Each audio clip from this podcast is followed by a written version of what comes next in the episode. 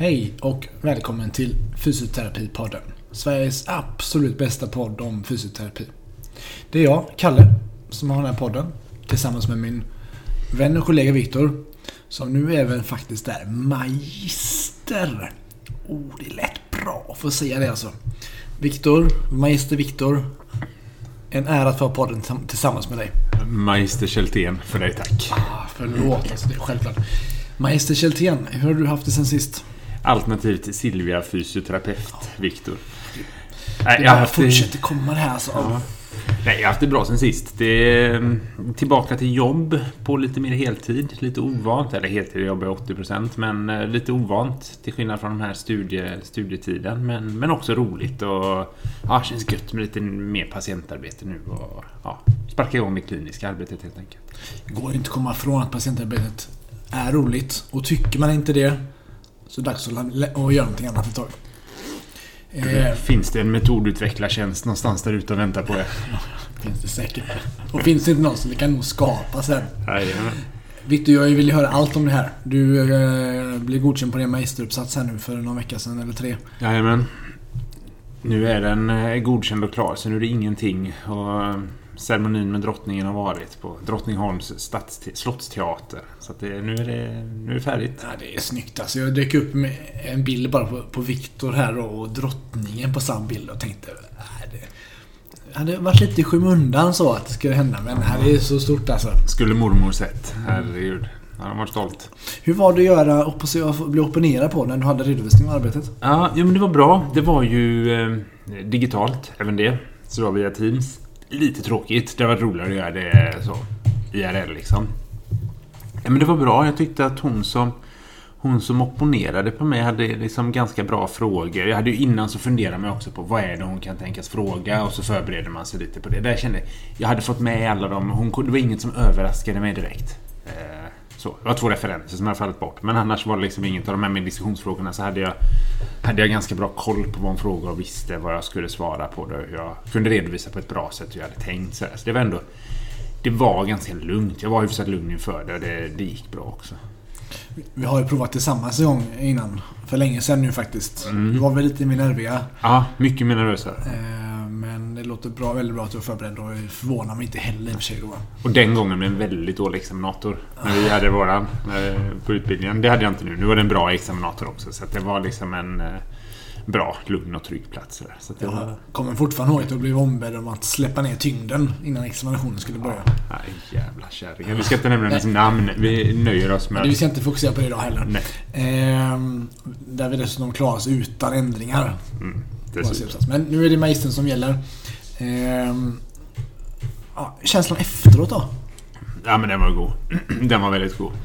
Ehm, det får jag säga. Det, det, det knäcktes en, både en öl och lite champagne på kvällen. Och, nej, det, var en, det var en lättnad och en eh, lite starkare än vi hade trott. En sån här känsla av fan gött jag har gjort det här. Ehm, det överraskade lite faktiskt. Ja, men det är, jag kan tänka mig att det är härligt att jobba med sånt som, som blir ett avslut. För det gör vi ju inte riktigt på samma sätt. Nej. Varje patient löper på, men det är, ju- det är så många och det, det blir inte samma stora grej liksom. Nej, Det pop, eller det är klart man kan, men man kan inte poppa en bärs varje gång en patient avslutas. Nej, nej, det blir inte så bra.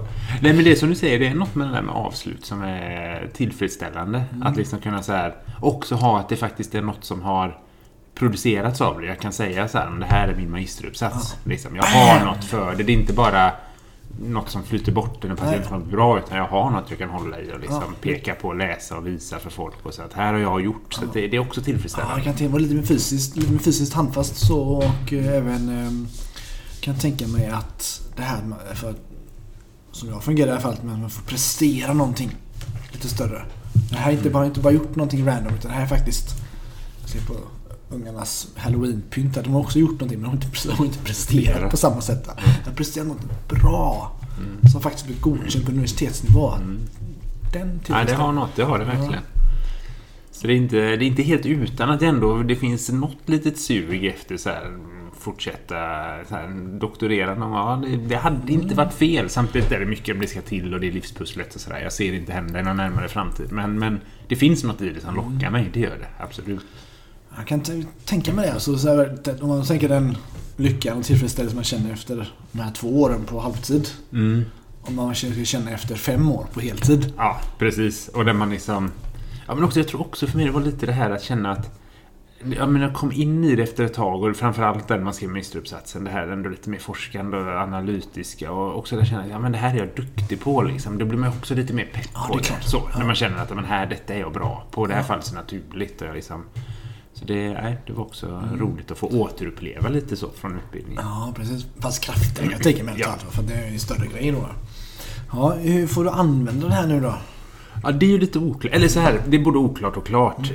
I min tjänst kommer väl bli någon del av den kommer väl vara ha något expertuppdrag på lite mer statsövergripande nivå då. Ehm, Men, men, men framför allt tänker jag att det kommer ju vara ett skillnad i mina patientmöten. Alltså så här, oavsett hur jag sprider det här till kollegor så är jag en väldigt mycket duktigare fysioterapeut idag än vad jag var för två år sedan.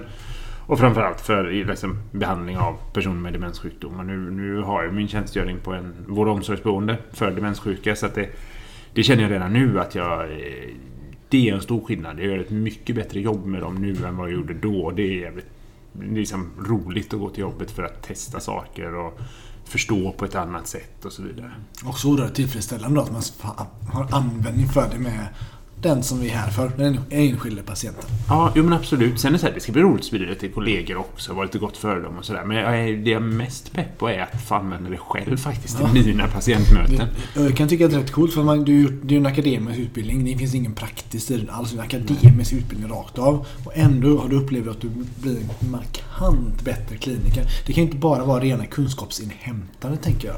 Nej, det är det nog inte. Det är nog såklart en del av det. Men också den här ja, men sättet att liksom, lite analytiskt tänka och, och fundera och så, reflektera. Jag, jag tror ju mycket på det här med reflektion och det här har egentligen varit två år av en liksom, utdragen reflektion på, något, på ett eller annat sätt. Det tror jag också gör väldigt mycket och, och liksom så här små bitar från olika föreläsare som har lagts ihop och, och liksom var Ja, en stor del för mig är lite det här också slutmålet. Vad är målet för den här patientgruppen? Att det just det handlar om livskvalitet är ju liksom det måttet vi kan ha. Det, egentligen så är det ju det för all vård vi ger. Så är ju livskvalitet alltid slutmåttet. Men det finns ju många där, där du har mycket mer mått som minskad smärta eller förbättrad funktion är liksom väldigt tydliga mått. Det kommer någon till det efter en knäprotesoperation. Då har du måttet funktionsförmåga, måttet minskad smärta. Du, då kanske du inte kommer in på livskvalitet på samma direkta sätt utan du har de här andra som du jobbar med som sen då förhoppningsvis indirekt kommer ge livskvalitet. bättre livskvalitet såklart. Men, men här är det, ja det är klart att det kan finnas situationer där man jobbar just mot smärta eller just mot funktion. Men det är väldigt mycket tydligare i den här patientgruppen att det är livskvalitet som man jobbar mot mer direkt. Liksom. Och det är ett lite, ja, Det blir mycket, mycket bredare, lite flummigare på ett sätt. mm. Eh, Jag har några exempel på hur, vilka delar av livskvalitet som man kan jobba med som fysio. hos den Ja. personen. Alltså det är egentligen också det här att förstå att om vi förstår att det är livskvalitet vi ska mäta på så är det ju att insatser vi gör och insatser jag kanske har gjort också upp, alltså ser jag som mycket mer värdefulla nu än förr. Alltså så här, jag har pratat med det, ett exempel kan ju vara att man Ja, men att man har liksom en träningsgrupp till exempel där man liksom eh, kör, låter dem slå ballong till varandra.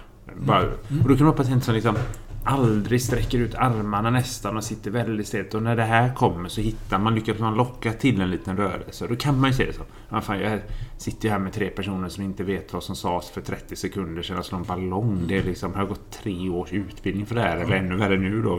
Ett år på heltid efter för det här. Det är ju helt jättekonstigt.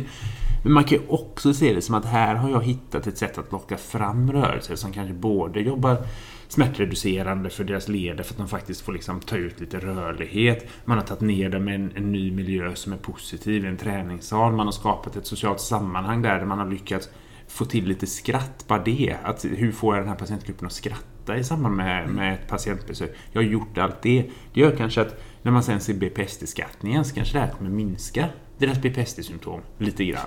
Alltså, eh, Minska. eh, beteende och psy- psykiatriska symptom vid demenssjukdom. Så att det, det kan vara saker som agitation, eller vandringsbeteende, eller oro, eller ångest, eller sådär, sömnproblem. Och det, det kanske den här insatsen gjorde mycket för. Och om inte annat, den gav välbefinnande, eller liksom livskvalitet under stunden man gjorde den. Det ska inte heller förringas. Att, att liksom mäta den insatsen jag gjorde var inte bara om jag fick några en ballong, vad gör det? Eh, Jag kan inte mäta med gonimetern att rörligheten har blivit så mycket bättre. Nej. Men jag kan kanske mäta om det här är en pusselbit att faktiskt ge livskvalitet. Ja, Och det är ett- och jättemycket värt. Liksom. Och ett skratt kanske bara det också. Ja, Kan vara ett utfall som är tillräckligt gott. ja, precis. Eller samma. kanske byggde upp, liksom, de åt kanske lite bättre sen. Ja. Och då var det bättre för deras undernäring. Eller vad det nu är liksom. Eh, Det tänker jag är, är väldigt bra. Och det, det är ju ett exempel med att, att mycket av det vi gör man ska utvärderas på livskvalitet och kanske genom sånt som ja, men det här med den typen av symptom, agitation och så, snarare än lyckas jag få dem att kunna gå 20 meter längre på ett 6 minuters Nej, gångtest. Inte så spännande. Visa. Nej. Det är jätteintressant att höra. Jag hade mitt första fysjobb någonsin på ett demensboende. Där jag kunde betydligt mindre eh, såklart. Jag kan inte så mycket mer om demens idag i och för sig men om, jag tittar, om man tittar tillbaka till det som, som relaterade till det här ballongspelandet då. Så hade vi aktiviteter som bowlingtimma. Mm. Där vi ställde bowling, eh, plastkäglor och spelade med mjuka bollar i träningssalen. Ehm, Vi hade utfl- en utflyktsbuss som jag blev ansvarig för att åka med.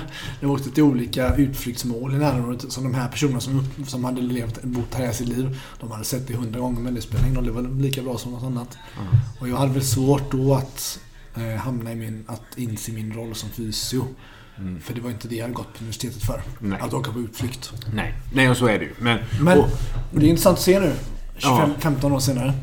och det är ju väldigt brett också. Jag tänker att det är ju också sånt som att man lyckas liksom förstå vilken av en sjukdomsutveckling och vad, vilken del av rörelse är det jag behöver liksom bibehålla för att kunna bibehålla en uppresning som gör att de faktiskt kan flytta över in i en bil, vilket de kan åka på utflykter med sina anhöriga. Ja. Alltså, bara det här som... Det blir... När det fungerar bra så är det väldigt personcentrerat. Till exempel ska alla ha en levnadsberättelse, en sorts liksom... Man har skrivit ner vad de har haft för intressen och vad de har varit för människor. Det är ju, att man gör det är ju för att många av de här patienterna kan ju inte förmedla det själva längre. Och det blir liksom länken mellan... En länk för att ge dem deras tidigare identitet. Det skulle man ju egentligen ha med alla, även patienter som kan förmedla det själva. Så är vi ofta ganska dåliga på att faktiskt ta reda på det. Här blir det lite mer automatiskt att man gör det för att de inte kan själva. Så då ser man till och den få reda på det. förutsättning för att kunna ge en god vård. Ja, jo, men så är det verkligen. Och kunna... Och, och det, ja, det är också den här lite mer personcentrerade helhetssynen som jag tycker är, Mm. Ja, bra. Den, blir alltså. liksom, Ja. den måste man ha i den här vården. Man mer på- borde ha den överallt, men Mm. det ställs mer på sin spets. Det blir mer ett krav för att få det bra, för det blir så jävla dåligt om man inte har det här. Ex, extremerna inom muskuloskeletal vård eh, håller ju det som är väldigt inne nu är att man håller långa, långa samtal med patienterna.